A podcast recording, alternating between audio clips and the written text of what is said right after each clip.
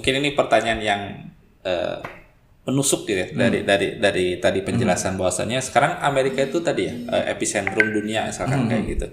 Nah, uh, kan kalau misalkan kita tuh mengenal istilah gitu ya ada hmm. buntut ekor singa atau ya. kepala tikus. Nah, nah nih negeri-negeri satelit ini yang kebanyakan tadi bahkan banyak negeri-negeri muslim gitu.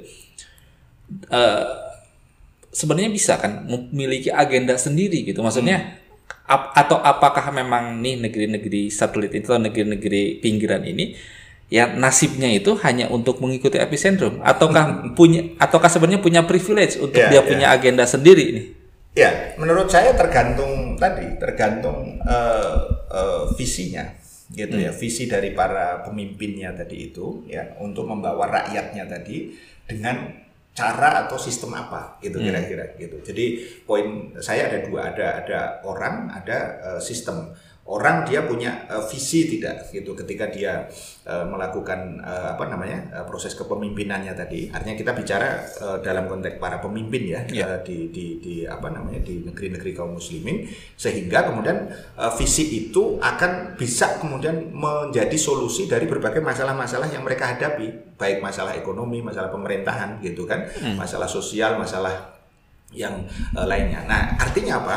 Kalau dia kemudian memiliki visi itu, maka dia akan uh, dituntut adanya uh, kekuatan, gitu. Kekuatan dalam pengertian baik ekonomi maupun juga uh, militer tadi itu pada pada pada pada apa namanya? pada waktunya gitu. Artinya hmm. uh, itu sudah konsekuensi logis. Kenapa? Karena ketika kita uh, berpikir out of the box gitu. Yeah. Saya, saya sering mempopulerkan bukan out of the box sebenarnya, tapi oke okay lah sementara kita kita gunakan istilah itu begitu kan.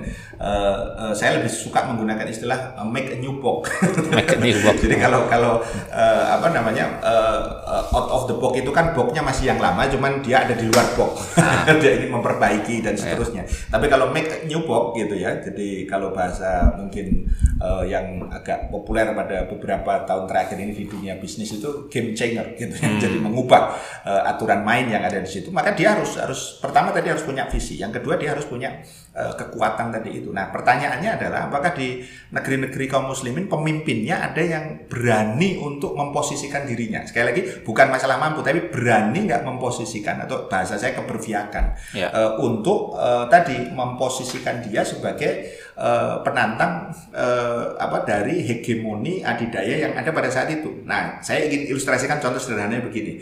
Uh, sebelum nanti kita ke realitas hari ini ya, hmm. Rasulullah SAW itu uh, ketika uh, Madinah itu belum dianggap ya hmm. uh, katakanlah sebagai sebuah negara yang uh, adidaya yang berpengaruh begitu ya dalam tempo ya katakanlah beliau membawa uh, uh, umat Islam ini menjadi sebuah umat yang terbaik itu uh, hanya dengan tempo 10 tahun itu kemudian sudah uh, apa namanya menjadi penantang potensial begitu ya bagi uh, Romawi dan dan dan dan Persia pada pada saat itu sebagai sebuah uh, adidaya. Maksud saya saya ingin memberikan ilustrasi hmm. uh, hari ini ketika dia memiliki kemandirian ya hmm. dari sisi visi dan juga membangun kekuatan baik ekonomi maupun juga militer, maka kemudian kita bisa menemukan sebuah contoh yang uh, pertama syar'i gitu ya hmm. karena kemudian ini terkait dengan uh, keteladanan yang kedua contoh faktual hmm. gitu ya bahwa ternyata kemudian Rasulullah SAW itu uh, apa namanya uh, berani mengambil uh, posisi tadi keberanian berpihak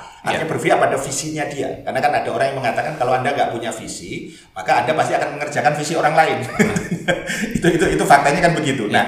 nah nah sehingga yang sekarang uh, terjadi uh, pertanyaannya umat Islam uh, atau pemimpin-pemimpinnya lebih tepat ya uh, uh, yang kita kita sodorkan pertanyaan itu Anda punya visi alternatif nggak selain uh, dunia yang hari ini sudah di uh, apa namanya uh, dominasi dengan kapitalisme pasca ya pasca Uni Soviet runtuh ya pada tahun 1991 sehingga uh, dunia yang awalnya itu uh, apa namanya uh, dua, dua kubu. kubu begitu ya bipolar istilahnya begitu akhirnya kemudian menjadi unipolar ya Amerika nongkrong sendirian tadi di ya. sana begitu kan dan menentukan segalanya dia tidak mau kemudian uh, di di apa direcoki oleh yang lain kalau uh, saya jadi teringat itu. Kalau kata Amerika begini ya begini gitu. Ah itu itu mungkin ada saya masih ingat ada peng, pe, apa perkataan pejabat itu entah di mana begitu.